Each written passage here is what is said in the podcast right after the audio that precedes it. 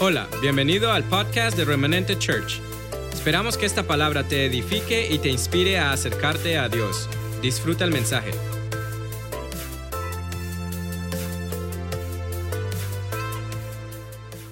Sin miedo al éxito. Ese es el título del día de hoy. Lo copié de un borrachito. Nada religioso el pastor que ustedes tienen. Sin miedo al éxito. Yo creo que ustedes han visto ese meme ya. Es, una, es un dicho muy popular hoy en día. Eh, verdaderamente que el Señor tiene buen sentido del humor. Sin miedo al éxito. ¿Qué es el miedo? ¿Qué es el miedo? Bueno, yo estuve buscando, he estado leyendo bastante acerca de esto. Esta palabra me la dio el Señor hace dos semanas. El miedo es una sensación de angustia provocada por la presencia de algo que nos pone en peligro. Puede ser real, o sea, puede ser cierto, o puede ser imaginario. Pero la sensación de angustia que, que vivimos, eh, ese es el miedo.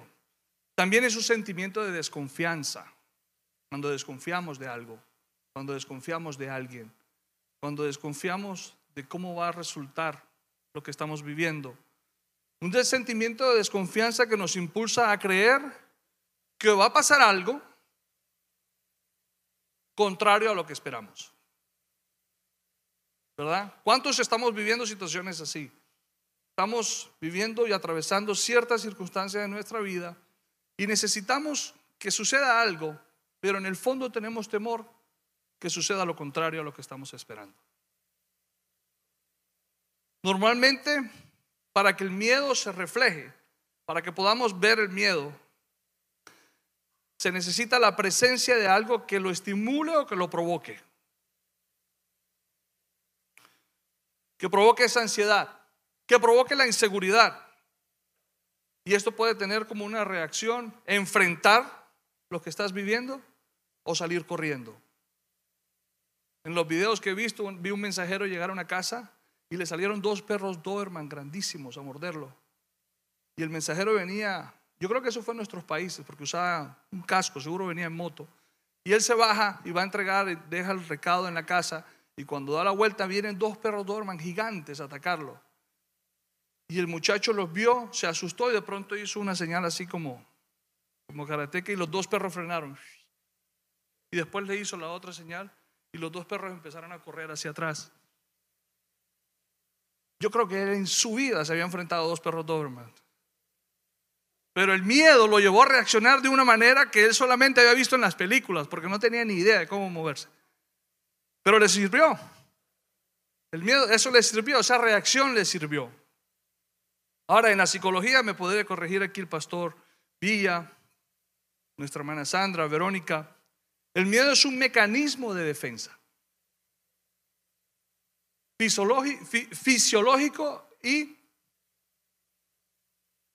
psicológico que permite al ser humano mantenerse alejado o a la defensiva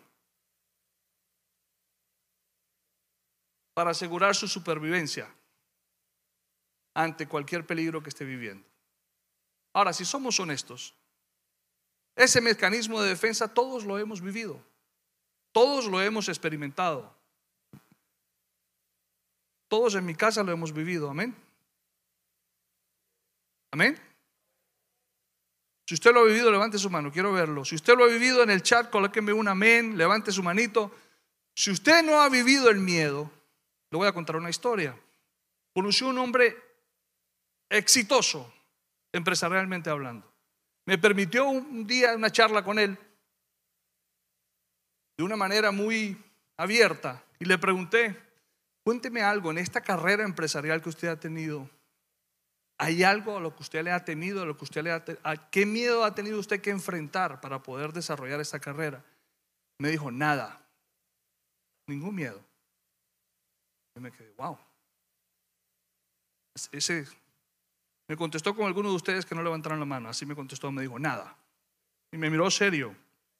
La charla iba amena hasta cuando le pregunté si había sentido miedo. Ahí se molestó. Se puso la defensiva. No le gustó la pregunta. Entonces se la cambié y le dije, bueno, independientemente de lo empresarial, algún temor en tu vida que tú hayas tenido que vivir y que tú digas, ah, esta sí la tengo que pensar dos veces. Me dijo, no, nada. Yo en mi vida no le he tenido miedo a nada. Ok.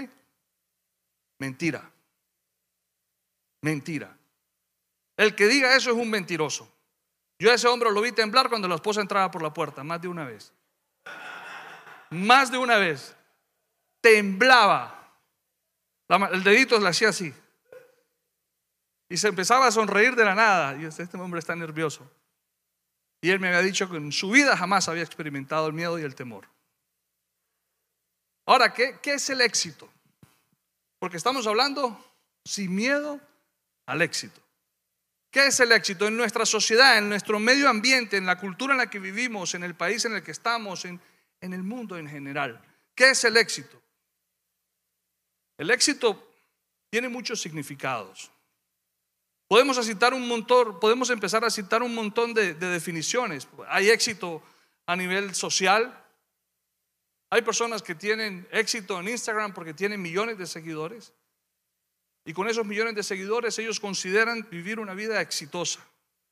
Los siguen y los llaman para que empiecen a promocionar una cantidad de artículos y consideran eso éxito. Eso puede ser éxito para ellos. Hay personas que tienen éxito a nivel empresarial. Tienen uno y dos y tres y cuatro negocios y son muy prósperos y consideran eso éxito. Hay personas que tienen éxito en el romance, no porque tengan uno y dos y tres novios o novias, sino porque se sienten afortunados de vivir con la persona que tienen a su lado.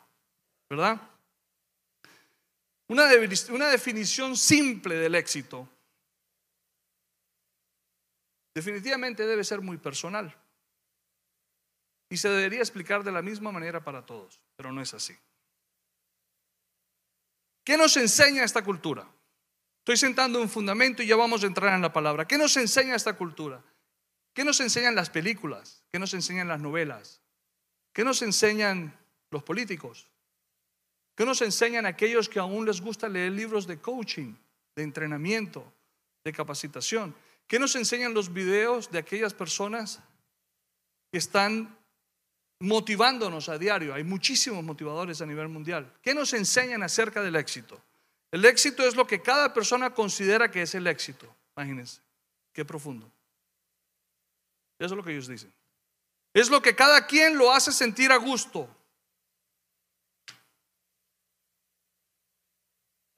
Y bien consigo mismo. Todos los que queremos lograr el éxito debemos detenernos y reflexionar acerca de lo que verdaderamente nos hace felices. Wow.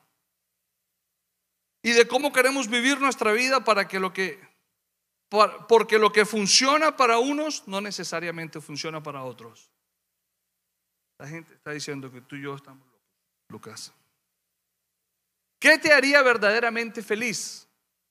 Nos preguntan los motivadores. Y ellos mismos responden. Y la respuesta que obtengas de esta pregunta debe ser totalmente libre de la opinión, de lo que piensen tus amigos, la familia, de ser exitoso. Casi siempre nuestra visión del éxito está relacionada con lo que todos creen que es ser exitoso. El automóvil de último modelo, una casa grande, visitar restaurantes de lujo, eh, vivir y usar muy buena ropa, ser fashion, como el pastor Villa, ¿verdad? Eh, pero hay muchas otras formas de vivir el éxito. Hay amas de casa que son exitosas porque se sienten bendecidas y amadas cuando están en su casa y toda su familia se reúne a la mesa y se comen todo lo que la ama de casa hace. Eso es el éxito para una ama de casa, para muchas de ellas. Hay otras amas de casa que la cocina está en la casa porque viene con la casa. Pero no tiene nada que ver con la cocina. Su éxito está en la decoración, en las alfombras, en los cuadros. El éxito puede ser diferente hoy en día. El éxito se trata de lograr objetivos y metas personales, de convertirse en lo que uno realmente quiere ser. No se olviden de esta palabra que acabo de decir, lo que uno realmente quiere ser en vivir la vida de forma, de una forma en la cual uno la quiere vivir. Mm. En hacer lo que uno realmente quiere hacer, en lograr lo que uno se propone lograr. Mm. Qué voy a ser honesto con ustedes. Yo no quisiera vivir en este frío tan crudo que estamos viviendo. Pero aquí el Señor me llevó y me ha traído a echar raíces. Y si yo pudiera escoger y vivir como yo quisiera vivir, estuviera viviendo rodeado de palmeras, con olas enfrente de mi casa. ¿Verdad? ¿Cuántos dicen amén? Amén. A mí me gustaría eso. Me gustaría estar bronceado y no parecer una rana platanera. ¿Verdad? Cuando me quito las medias en la casa, los pies parecen unas lámparas, blancos, alumbran cuando yo camino, no me pierdo. Yo quisiera vivir así. Pero la sociedad nos enseña que eso es el éxito. ¿Cuál es tu definición de ser exitoso? Es una pregunta que les dejo allí. Pero no se olviden de convertirnos en lo que uno realmente quiere ser. No se olviden de esa frase. ¿Qué dice la palabra acerca del temor? Ahora, ¿qué dice la palabra acerca de sin miedo al éxito? ¿Qué dice la palabra acerca del temor? Algunos estudiosos de la palabra dicen que la cita no temas aparece en la Biblia 365 días. Hay otros que dicen que aparece 366 días, o sea que aún el año bisiesto está cubierto. Dicen un no temas para cada día. Pero hay unos estudiosos que se han encargado de estudiar esto verdaderamente y dicen que hay más de 500 citas en la Biblia que hablan de no temas y del temor a Jehová. No temas y del temor a Jehová. ¿Qué dijo Jesús? Jesús dijo mucho acerca del éxito. Y quizás escogió un versículo bastante fuerte pero es un versículo bastante poderoso al mismo tiempo. En Lucas 12, del 4 al 5, Jesús dijo, queridos amigos, no teman a los que quieren matarles el cuerpo. O sea, no temamos a, quien, a aquellos a quien, que nos quieren quitar la vida. Él se está anticipando aquí a la persecución que iban a vivir sus apóstoles. No teman a aquellos a los que les quieren matarles el cuerpo. Después de eso no pueden hacerles nada más. Después de que le quiten la vida, nada más pueden hacer. Wow, o sea que se puede hacer mucho más después de que le pierdes la vida. Es la pregunta que a uno le queda después de, una, de un consejo de esos. Les diré a quién temer. Esto dijo Jesús. Teman a Dios, quien tiene el poder de quitarles la vida y luego arrojarlos al infierno. Claro, Él es a quien deben temer. ¿Qué es temer a Dios en la palabra? Temer a Dios es respetarle. Temer a Dios es, reverenciarle. Temer a Dios es reconocerle. Temer a Dios es honrarle. Eso es temer a Dios. De paso Jesús nos deja saber que si hay vida después de la muerte. ¿Qué dice Proverbios? Proverbios dice, hijo mío, en Proverbios 2 del 1 al 5 dice, hijo mío, presta atención a lo que te digo y atesora mis mandatos.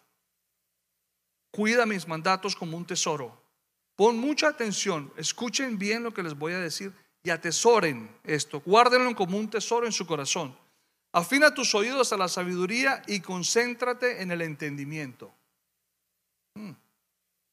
Clama por inteligencia y pide entendimiento.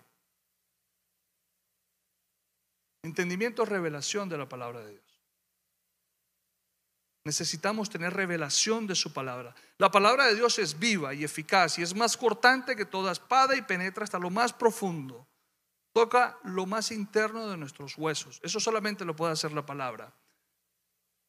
Una palabra de Dios es suficiente para sanarnos. Una palabra de Dios es suficiente para hacer maravillas. Una palabra de Dios es suficiente que cualquier medicina, que cualquier vacuna suficiente para vencer cualquier enfermedad. Una palabra de Dios. Y Él nos dice aquí, en Proverbios, que pidamos la revelación de esa palabra para nuestras vidas. Cuando esta palabra, que es viva y que es eficaz, se revela a nuestra vida, se revela en nuestro entendimiento, la atesoramos en nuestro corazón, entonces suceden cosas. Por eso hace énfasis en dos oraciones seguidas de pedir por el entendimiento, por la revelación. Y dice, inteligencia, entendimiento, sabiduría, inteligencia, entendimiento. Dice, búscalos como si fueran plata, como si fueran tesoros escondidos. Hay un hombre que se le perdió una, un memory card en su casa. Un memory card que, donde él había comprado Bitcoin hace más de 15 años. Le costó 50 y algo, 50 y pico, algo así de dólares. Nada, 15, 20 años atrás. Dice que ese, lo que él compró allí hoy en día cuesta más de 300 millones de dólares. Ese hombre tiene la casa al revés contrató una grúa y ha levantado el piso de su patio, porque él, dice que él lo votó, que él lo votó barriendo, no, le dio importancia y se acordó un día que él tenía eso allí. Y tiene esa casa al revés. Ha hecho huecos en las paredes, en los techos y no ha encontrado ese tesoro de 300 millones de dólares. Pero dice la palabra que busquemos la sabiduría, la inteligencia y la revelación como si fueran tesoros escondidos. Yo me imaginé a este hombre, así debemos estar nosotros cada vez que tengamos la oportunidad de sentarnos frente a la palabra a buscar esos tesoros. ¿Y cuál será el resultado de eso? Proverbios lo dice. Entonces comprenderás lo que significa temer al Señor. Y obtendrás conocimiento de Dios, o sea, revelación de Dios. Proverbios 1.7 dice, el principio de la sabiduría es el temor de Jehová. Los insensatos desprecian la sabiduría y la enseñanza.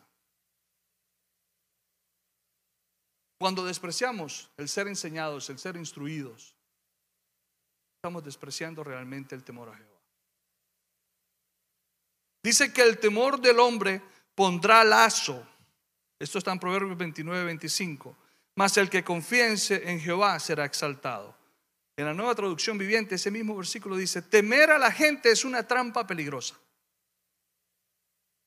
El Señor nos anima en esta mañana a que no le tengamos temor a la gente. Es una trampa. Es un desvío. Es un espejismo. Mas los que confían en Jehová, no dice, pero confiar en el Señor significa seguridad. Quiero detenerme ahí 30 segundos. Todos queremos seguridad en esta vida. Y por consiguiente, todos experimentamos el deseo de tener todo bajo control. Y muchas veces el no poder tener las cosas bajo control nos lleva a experimentar temor, angustia, ansiedad. Gran pesar del hombre es no saber el día de mañana, no saber el futuro. Pero tenemos un Padre que lo controla todo, que tiene el control de todo. Tenemos un Padre que lo sostiene todo con el poder de su palabra. Sabemos que ese Padre existe, pero confiamos en que esa parte de que Él controla todo también me involucra a mí. ¿Confiamos en eso? Confiamos, yo, yo necesito confiar en eso. Yo necesito en mi día a día recordarme de esto. Hace poco me enviaron una palabra acerca que yo la había recibido hace muchos años atrás. Yo la sabía y la atesoraba y la tenía presente. Pero, qué diferente es cuando de pronto de la nada, después de años, te llega otra vez esa palabra. Y el Señor te reafirma y te deja saber que Él está en control. Que es Él el que tiene cuidado de ti. Que quizás las cosas ahorita mismo no tienen mucha explicación. Quizás las cosas ahorita mismo no tienen cómo no hay manera de cómo explicarlas, no hay manera, no sabemos ni cómo vivirlas, no sabemos qué hacer muchas veces, pero Dios sigue siendo Dios. Dios sigue siendo Dios. Pablo dijo en Romanos, pues todos los que son guiados por el Espíritu de Dios son hijos de Dios. Y ustedes no han recibido un espíritu que los esclavice al miedo. O sea que el temor nos lleva a un estado de esclavitud. El miedo nos lleva a vivir como esclavos. El miedo nos lleva a vivir como aquellos que no merecemos. El miedo nos lleva a vivir como aquellos que tenemos siempre que trabajar y tenemos que partirnos nuestras espaldas porque le debemos la vida a alguien. Dice que no tenemos un espíritu que nos esclavice al miedo. En cambio, recibimos al Espíritu de Dios cuando Él nos adoptó como sus propios hijos y ahora lo podemos llamar Padre. Eso está en Romanos 8, del 14 al 15. Cuando decimos en esta mañana, sin miedo al éxito, de parte de Dios, yo sé que da risa ese título, yo cada vez que lo digo me da risa, yo no sé. Sin miedo al éxito, cuando lo decimos de parte de Dios, lo que realmente estamos diciendo es, no temas al plan que Dios tiene para tu vida. No temas al plan que Dios tiene para tu vida. No temas a lo que Dios te ha llamado a hacer. No temas a pesar del proceso que estás viviendo. No temas aunque no entiendas lo que estás viviendo. No temas a pesar del diagnóstico. No temas. No le tengas miedo al éxito. Estás esculpido en las manos del Señor. Sus alas te cubren. Él va delante de ti, va detrás de ti. Él es el que pelea la batalla por ti. Él es el que te dio la herencia. Él es el que quiere que vivas esta herencia en, vida y la puedas disfrutar. No tengas miedo al éxito al cual Dios te está llamando. Esto va muy en línea con la palabra del domingo anterior. La berraquera de hacer el cambio. Yo sé que ese no fue el título, pero fue el que más me gustó. No tengas miedo al éxito. Dios quiere que confiemos en su plan. Dios quiere que vivamos su plan. Quizás no necesitamos, quizás no lo entendemos todo, pero yo quiero decirte algo, no necesitas entenderlo todo. Tú que estás en casa, no necesitas entenderlo todo. Necesitas confiar en el plan de Dios.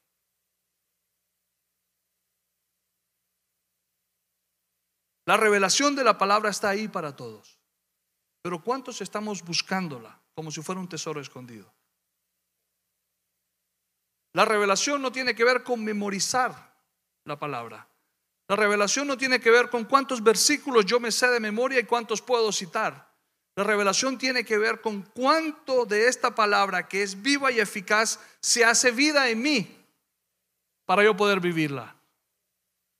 Para yo poder experimentarla, para yo poder ayudar, para yo poder servir, para yo poder ser útil en las manos de Dios, en donde quiera que yo esté. La revelación tiene que ver con un cambio, con una transformación, no con aprendérmelo de memoria. El Señor no te llama con mentiras ni con engaños. El Señor no te dice, el éxito es lo que tú quieras pensar del éxito. Vive como tú quieras y sé feliz. Lo que tú decidas en ser exitoso, eso es el éxito. No. El Señor te llama a que vivamos un cambio, a que vivamos una transformación, a que vivamos una metamorfosis. ¿Sabes qué? Te voy a decir algo que quizás es un poco fuerte.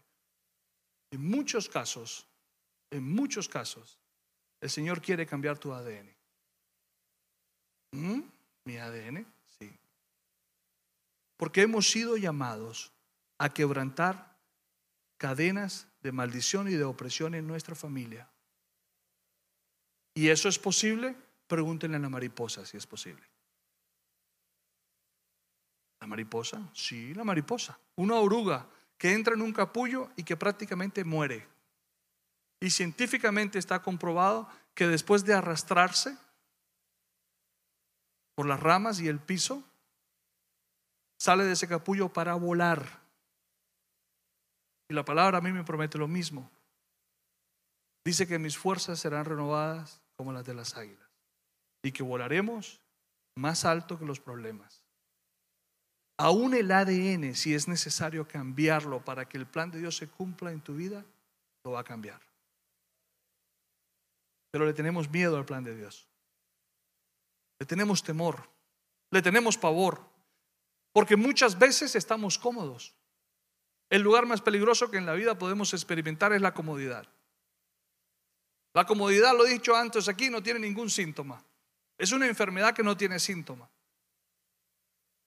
La comodidad no es como el COVID, que se te pierde el olfato, se te pierde el sabor, te da dolor de cabeza, en algunos casos da vómito, en muchos casos da fiebre, y una congestión impresionante y un ahogo horrible. No, la comodidad no tiene síntomas. La comodidad se siente rico. Estar cómodo es rico, pero es la peor de las enfermedades. Y constantemente, si tú lees la palabra y, buscas esos tesoros que aquí están, te vas a dar cuenta que constantemente el Señor nos está llamando y nos está jalando a salir de la comodidad. Dios quiere que salgamos de la comodidad en la que estamos. Oh, pero yo no estoy nada cómodo, yo trabajo todos los días y yo de verdad que salgo a las 5 de la mañana y llego a las 7 de la noche, 8 de la noche, todos los días yo para nada estoy cómodo. Yo no estoy hablando de la comodidad solamente a nivel laboral. ¿Qué tal de la comodidad a nivel emocional? ¿O qué tal de la comodidad a nivel de pareja? Si usted quiere bendecir a su esposa un día de estos en casa, sorpréndala, hágale un desayuno. ¿Cuándo fue la última vez que le hizo un desayuno a su esposa? Bueno, ¿y cuál fue el chiste? Eso fue una pregunta, yo no. No, yo no. ¿Verdad? Yo sé que a mi esposa le gusta muchísimo que yo haga el café. Les voy a ser honestos, quizás dos o tres veces al año yo hago el café en las mañanas. Pero cada vez que lo hago, los ojos le brillan. Y si se lo llevo a la cama, mejor todavía. Y, y a pesar de que lo sé, como lo decía ella, hay veces que aunque lo sabemos, no lo hacemos. Porque estamos cómodos. Sencillo. La palabra es sencilla y simple. Lo sabemos y no lo hacemos porque estamos cómodos. Lo sabemos y no lo hacemos porque nos da temor. Dios nos llama a abrir empresa y dijo, no, Señor, pero a mí ya nada más me quedan seis años para retirarme. No, todo esto que yo... No, Señor, no. Yo estoy bien aquí, tengo mi seguro, tengo mi plan de ahorro, yo tengo... Y Dios te llama a abrir una empresa porque dentro de ti hay un depósito impresionante para bendecir a las generaciones para bendecir tu vida también. Pero Dios, la visión de Dios es mucho más amplia. Él, dice, levantaos vuestra cabeza. Dios te pide en esta mañana que levantes tu mirada y que extiendas tu visión, como Él lo hace. Porque ese llamado de Él para sacarte de la comodidad es para bendecir a tus generaciones. ¿Te animas al reto, Oscar? ¿Te animas? ¿Te animas al reto de abrir tu propia empresa? Yo estoy muy bien. No, yo que voy a ponerme a abrir mi propia empresa. Tengo dos, tres vacaciones al año. Trabajo 50 horas, gano tanto al año.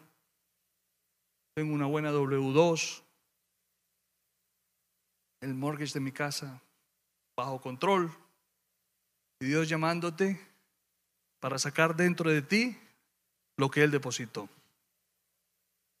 Pero nosotros, o cómodos, o nerviosos, o incrédulos, que es peor. Gedeón, vamos a ir a la historia de Gedeón. ¿Cuánto me queda? Vamos, vamos a ir a la historia de Gedeón rápidamente. Los madianitas habían gobernado Israel, lo tenían controlado. El pueblo de Israel estaba completamente disperso por el, por el desierto. Todo mundo no los israelitas no tenían miedo, tenían terror. Eso es otra cosa. Veían un madianita y le tenían fobia, daban brincos así de grandes, les escondían en las cuevas. Y Gedeón está en el desierto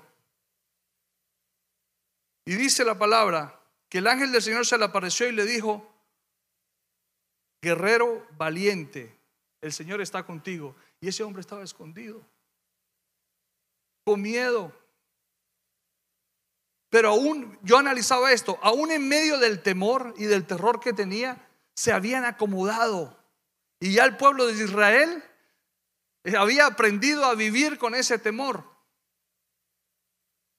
Y no nos damos cuenta que nos hemos dejado condicionar por el temor y hemos aprendido a vivir con el temor y hemos aprendido a hacer del temor un estilo de vida.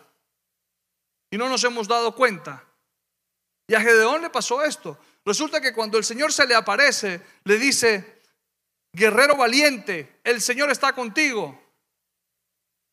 Pero los siguientes versículos dicen, entonces, Señor, respondió Gedeón, inmediatamente se dio cuenta de la presencia del Señor y dijo, si el Señor está con nosotros, ¿por qué nos sucede todo esto?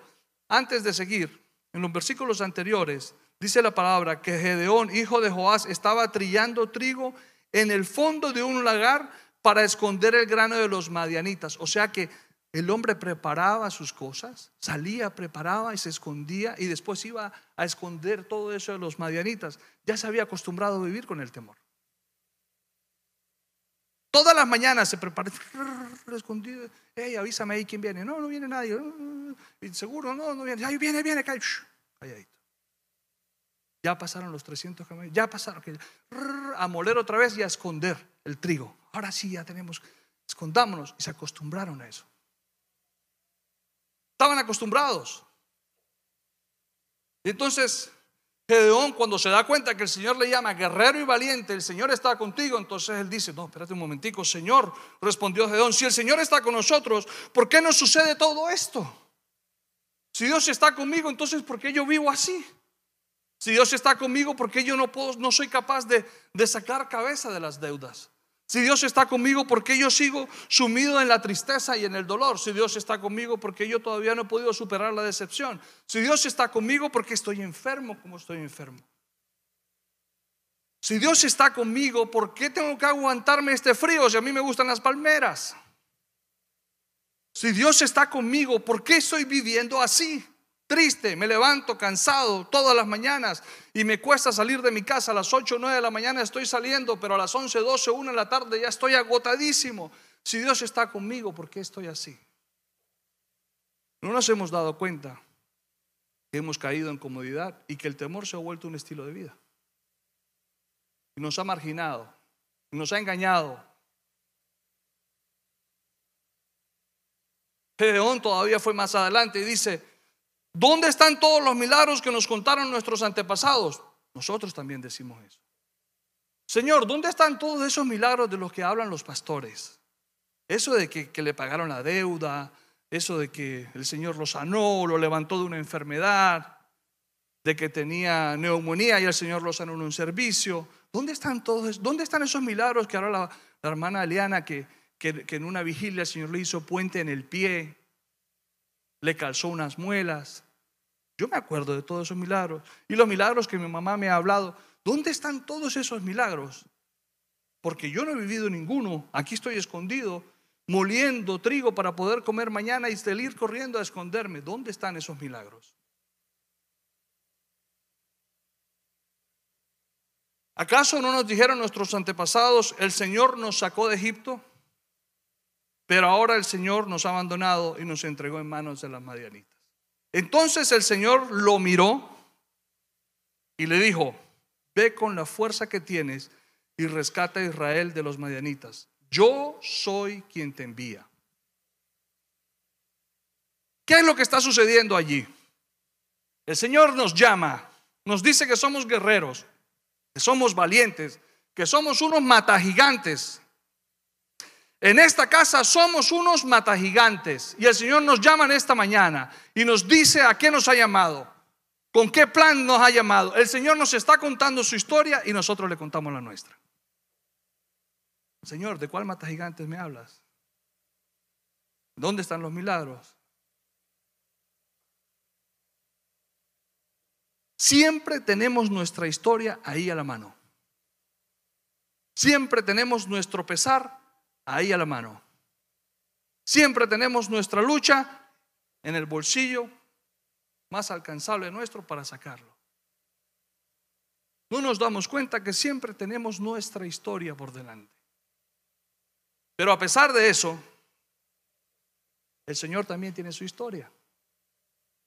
A pesar de eso, el Señor escucha nuestra historia, pero nos cuenta la de Él. A pesar de que nosotros siempre tenemos una historia que nos desanima, que nos cuesta, que nos, que nos carga, que nos pesa, una cola gigante que nos cuesta arrastrar, el Señor nos tiene paciencia y nos cuenta su historia. Y eso fue lo que hizo con Gedeón. Ve con la fuerza que tienes. O sea, no necesitas más fuerza. Muchos pensamos, necesito estudiar más, necesito prepararme más, necesito ir al gimnasio porque es que no tengo fuerza, necesito, Señor, que me des ánimo, necesito, Señor, que me, que me ayudes. No, con las fuerzas que tiene es suficiente. ¿Por qué? ¿Por qué es suficiente? Yo soy quien te envía, el Señor es quien te está enviando. Señor te, da su plan y te dice, ve con la fuerza que tienes y rescata tu generación. Y rescata tu pueblo, rescata tus hijos, rescata tus finanzas, rescata tu salud, rescata, rescata tus emociones. Rescata a lo que Dios te ha llamado, rescata, porque yo soy el que te está enviando, es el Señor el que te está enviando en esta mañana. No necesitas más fuerzas. Las fuerzas que tienes son suficientes. A pesar de esto, Gedeón siguió con su historia y siguió argumentando con preguntas, con incertidumbre, con dudas, como todos nosotros, con la realidad que lo rodeaba, como todos nosotros. Gedeón estaba en un desierto rodeado de incertidumbre, acosado por camellos y por, por, guerreros que los querían matar y asesinar. Cuando lograban cosechar algo, dice la palabra, que llegaban y les destruían todo. Se llevaban la comida, se llevaban las mujeres y los niños y les destruían todo el cultivo que tenían. Gedeón estaba rodeado de los calificativos que la sociedad le había dado con su historia. Pero Señor, respondió Jodeón, ¿cómo podré yo rescatar a Israel si mi clan es el más débil de toda la tribu de Manasés? Señor, pero ¿cómo voy a ir yo? Yo soy el que menos recursos tengo. Señor, pero ¿de dónde? Como dijo mi esposo una vez, ¿de dónde flores si no hay jardín? ¿Verdad? ¿Cómo voy a hacerlo yo, Señor, si yo soy yo soy el menor? A mí ni siquiera me miran. Si yo hubiese sido el mayor, tal vez así yo te digo, bueno, el mayor tiene la unción del Señor, es escogido. No, no, no, no. Es que es a ti quien el Señor ha llamado. Señor, ¿cómo me van a escoger a mí en ese trabajo si yo soy la más feita de la casa? Tiene nada que ver. Tienes la gracia, la unción de Dios. Tienes la unción de Dios. Es que mi mamá me dijo que yo era la más feita de la casa. Pues déjame decirte que si tu mamá te dijo que de todas tú eras la más feita de la casa, y si yo no sé por qué estoy diciendo esto, pero si de todas tu mamá te dijo que tú eres la que parece que no fuera de la casa, déjame decirte que no hay ningún problema porque tú eres una hija de Dios. Hermosa, preciosa, que Dios ha escogido para levantar, para bendecir, para quebrantar maldiciones generacionales. Eres tú la que Dios ha escogido y ha hecho diferente entre todas. Eres tú la que va a llamar la atención. Eres tú la que Dios ha bendecido. Es sobre ti que está la gracia de Dios. Es sobre ti que está la unción y el poder y la autoridad que tú necesitas para llevar a cabo el plan y la historia que Dios escribió acerca de ti. No tu plan y tu historia. No se trata de mi historia, ni de la que me han contado mis papás, ni de la que me han contado mis abuelos ni de la que me han contado mis hermanos, sino de la historia que el Señor escribió acerca de ti y de mí. Se trata de esa historia, de esa historia.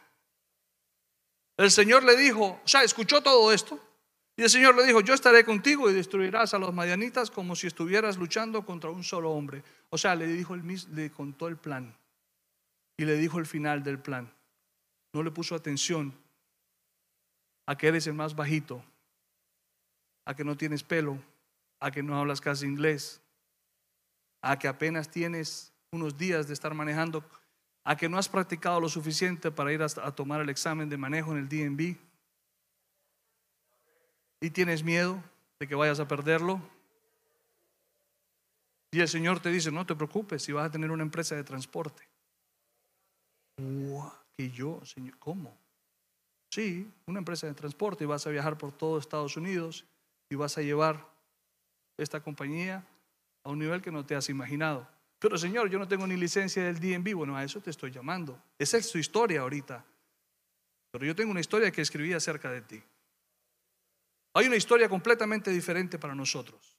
Hay una historia escrita de parte de Dios completamente diferente a la que estamos viviendo el día de hoy. Completamente diferente incluso a la que hemos experimentado en algunos momentos. Hay una historia de parte de Dios que quiere transformar nuestras vidas. El verdadero éxito del hombre cristiano y la mujer cristiana, del Hijo de Dios, es poder creer en ese plan de Dios. Es poder confiar en ese plan de Dios. Y es poder vivir ese plan de Dios. Ese es el verdadero éxito. Los milagros, la sanidad, los milagros financieros, las puertas que se abren, la gente que no conoce si vendrá a ayudarte por causa de Jehová tu Dios, ese tipo de milagros no son el éxito. Eso se llama caminar a cielos abiertos y eso hace parte del plan de Dios. Nos hemos conformado con la zarza que está ardiendo. Cuando Moisés estaba cuidando los, el, rebaño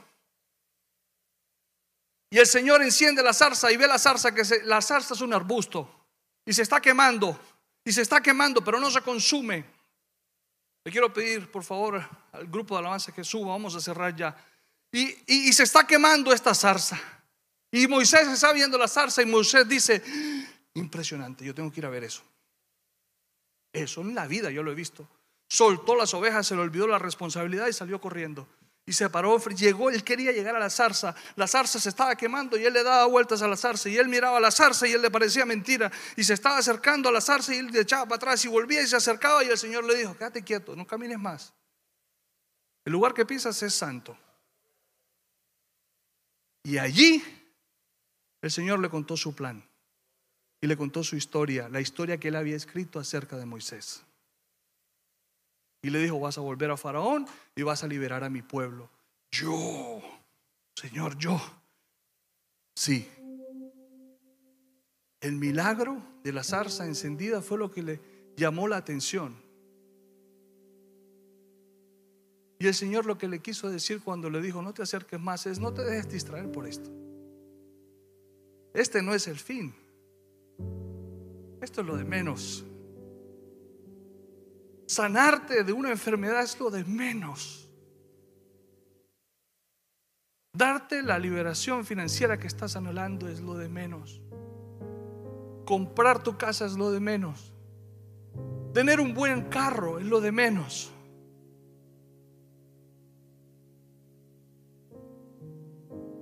Eso es lo de menos. Eso es lo que el mundo llama ser exitoso. Tener miles y millones en el banco es lo de menos para el Señor. Lo que importa es el plan de Dios. Lo que importa es el plan, la historia que Dios escribió acerca de ti. En Salmo 139 dice que nuestro embrión vieron los ojos del Señor. Yo lo he dicho muchas veces en esta casa. Y dice que el Señor cogió un lápiz y un papel y empezó a escribir cada uno de nuestros días.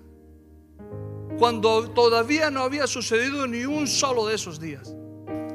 Él se sentó y empezó a escribirlo. Dice que cuando cuando estábamos en el vientre de nuestra madre, cuando éramos apenas un embrión y que vimos a Dios, en ese momento Dios empezó a escribir. Pero a mí Jeremías 1.5 me dice otra historia. Lo voy a buscar. No puedo dejar de citarlo. Se los voy a leer. Jeremías 1.5 dice, el Señor me dio el siguiente mensaje. Te conocía aún antes de haberte formado en el vientre de tu madre. Aún antes. Oh, me. Yo me quedo con eso. ¿Cuántos nos sentimos desafortunados? ¿Cuántos nos comparamos con otros y pensamos, ¿por qué a otros sí y a mí no? ¿Cuántos hacemos un inventario de nuestra vida y decimos, Señor, yo reconozco que he fallado, yo reconozco que he cometido errores, pero ¿por qué sigo viviendo así? ¿Por qué te comparas con otras personas?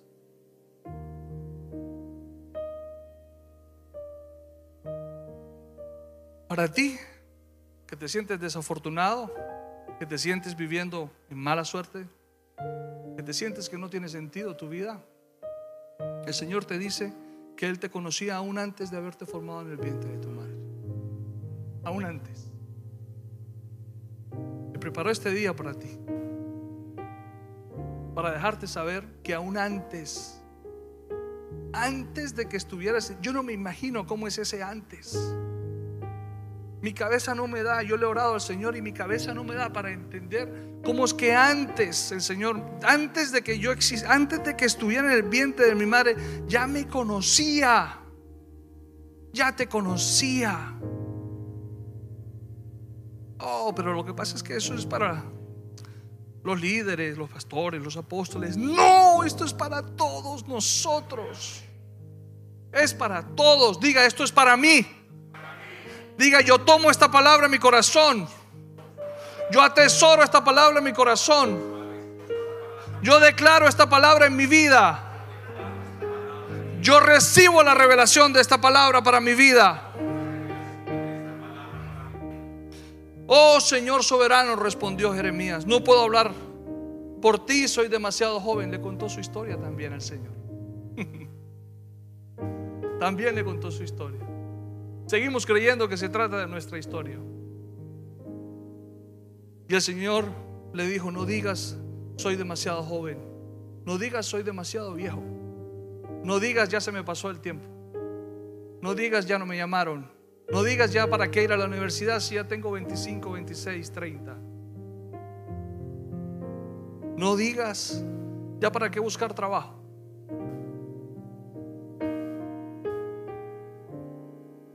Porque debes ir donde yo te mande, te dice el Señor en esta mañana. Y tienes que decir todo lo que yo te diga. No tengas miedo a la gente, te dice el Señor. Porque estaré contigo y te protegeré. Yo, el Señor, he hablado. Por favor, pongámonos de pie.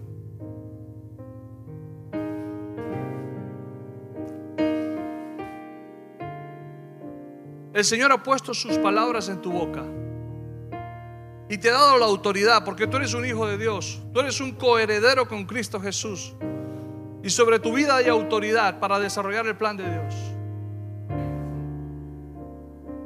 Mira, te he puesto mis palabras en tu boca y hoy te doy autoridad para que hagas frente a las naciones y a los reinos.